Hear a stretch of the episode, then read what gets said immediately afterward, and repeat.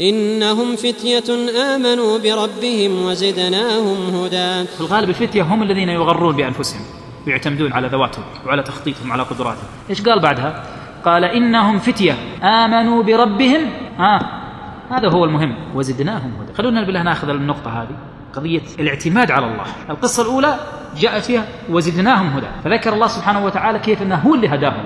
وإلا لو ما هداهم لا عرفوا كهف. ولا عرفوا كيف يخرجوا ولا يبتعدوا ولا كيف يناموا هالفترة الطويلة ولا كيف يذهب أقوامهم ولا شيء من هذا كله. ما ينفع. طيب القصة الثانية في قضية الاعتماد على الله يا جماعة. قصة موسى عليه السلام والخضر.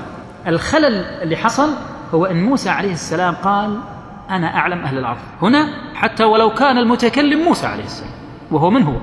بما أنه ما أسند الأمر إلى الله عاتبه الله. عاد إذا كان هذا موسى عليه السلام فما باله أنا وأنت وبقية. فما رضي الله من موسى عليه السلام أن يقول هذا الكلام وأن يقول أنا أعلم أهل الأرض. لا حتى أنت يا موسى ما أنت أعلم أهل الأرض. رغم أنك يا موسى أنت كليم الله. يعني أكثر الناس قربا من الأخذ عن الله مباشرة. مع هذا ما أنت أعلم أهل الأرض.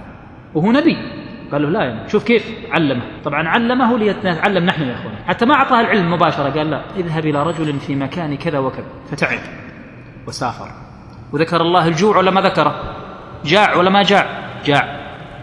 ونصب وتعب. كل هذا ليتعلم موسى عليه السلام هذا الأمر.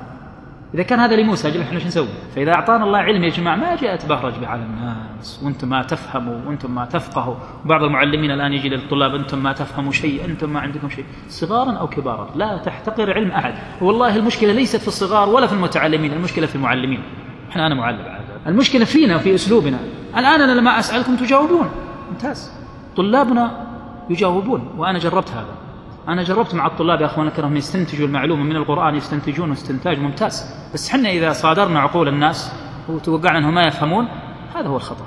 لا الناس يفهمون ويدركون. بس أهم شيء أنك تفتح لهم المجال أنهم يتحدثون ويظهرون آراءهم ويتحدثون عما هم فيه. فلاحظ إذا القضية اللي حصلت من موسى عليه السلام أنه ما أسند الأمر كاملا إلى الله. فجعله الله يتعب وينصب حتى نأخذ هذا الدرس. وأرسله إلى شخص إلى إنسان عنده من العلم ما يفوق العلم الذي عند موسى عليه السلام. وكان علما غريبا وكان علما عجيبا مبني على الغرائب الأحداث. ولكن خرج بعد ذلك يا أخواني الكرام بأهم خلق يجب أن يكون في المتعلم أو بهم خلقين وهو التواضع مهما علت رتبتك من العلم حتى ولو كان هذا المتعلم نبيا كموسى عليه السلام.